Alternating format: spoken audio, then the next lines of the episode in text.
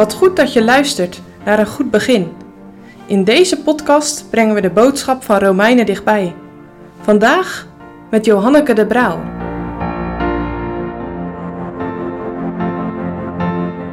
De levendmakende geest van Jezus Christus. We lezen samen Romeinen 8, vers 11. En indien de geest desgene die Jezus uit de doden opgewekt heeft in u woont, zo zal Hij, die Christus uit de doden opgewekt heeft, ook uw sterfelijke lichamen levend maken door zijn geest die in u woont.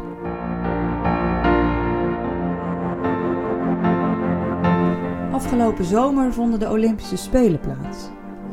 Uit de hele wereld kwamen atleten naar Tokio om daar hun ultieme prestatie neer te zetten in hun tak van sport. Vijf jaar lang hebben deze sporters naar dit soms maar enkele minuten durende ultieme moment toegewerkt. Voor de een is het een moment van glorie geworden. Ze veroverden een gouden, zilveren of bronzen plak. En voor de ander een grote teleurstelling. Een grote teleurstelling werd het ook voor de 35-jarige Nederlandse topturner Epke Zonderland. Het lukte hem niet om zich te kwalificeren voor zijn favoriete onderdeel, de rekstok, want, zo zei hij, mijn lichaam is op. Dat lichaam van ons, hoe sterk ook en hoe getraind ook, is niet oneindig houdbaar. Het houdt een keer op. We hebben een lichaam dat voorbestemd is om te sterven. Want dat is de betekenis van een sterfelijk lichaam. Zo'n sportblessure herinnert je daaraan. Je hebt een lichaam dat voorbestemd is om te sterven. De wijze prediker heeft dit proces van veroudering en sterven beschreven in Prediker 12. Hij doet dat niet om te somberen, maar om je aan te sporen, om wijs te zijn als het gaat om je eigen sterfelijkheid. Ben je nog jong en heb je een gezond lichaam? Wees daar blij mee.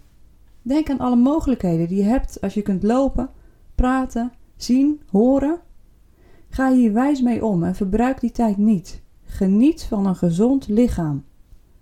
Want er komt een moment dat je lichaam afgebroken wordt. Wie weet wanneer. Een ziekte, een lichamelijke beperking, pijn en ongemak, waardoor je weet: dit lichaam is eindig. Het houdt een keer op. We hebben allemaal een sterfelijk lichaam, maar dit is niet einde verhaal voor hen die in Christus zijn. Of om het met de woorden van Romeinen 8 te zeggen, voor hen bij wie Christus in hun hart woont.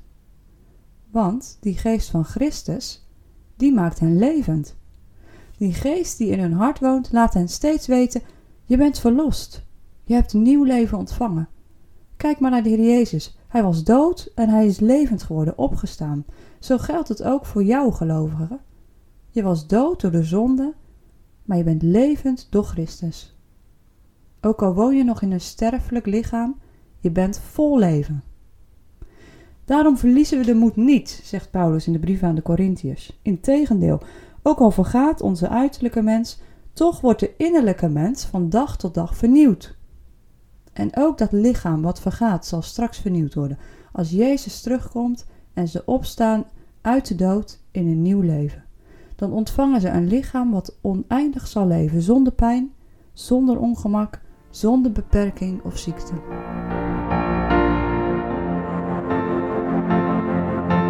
Mijn lichaam is op, zei Epke Zonderland. En hij nam het wijze besluit om een punt te zetten achter zijn carrière als topturner. Neem vandaag een moment om uit het Bijbelboek Prediker te lezen. Begin dan bij vers 7 van hoofdstuk 11, waarin je wordt opgeroepen om te genieten van je jeugd. Maar lees ook door in hoofdstuk 12. En vraag jezelf af: welk wijs besluit neem ik als ik denk aan mijn sterfelijke lichaam?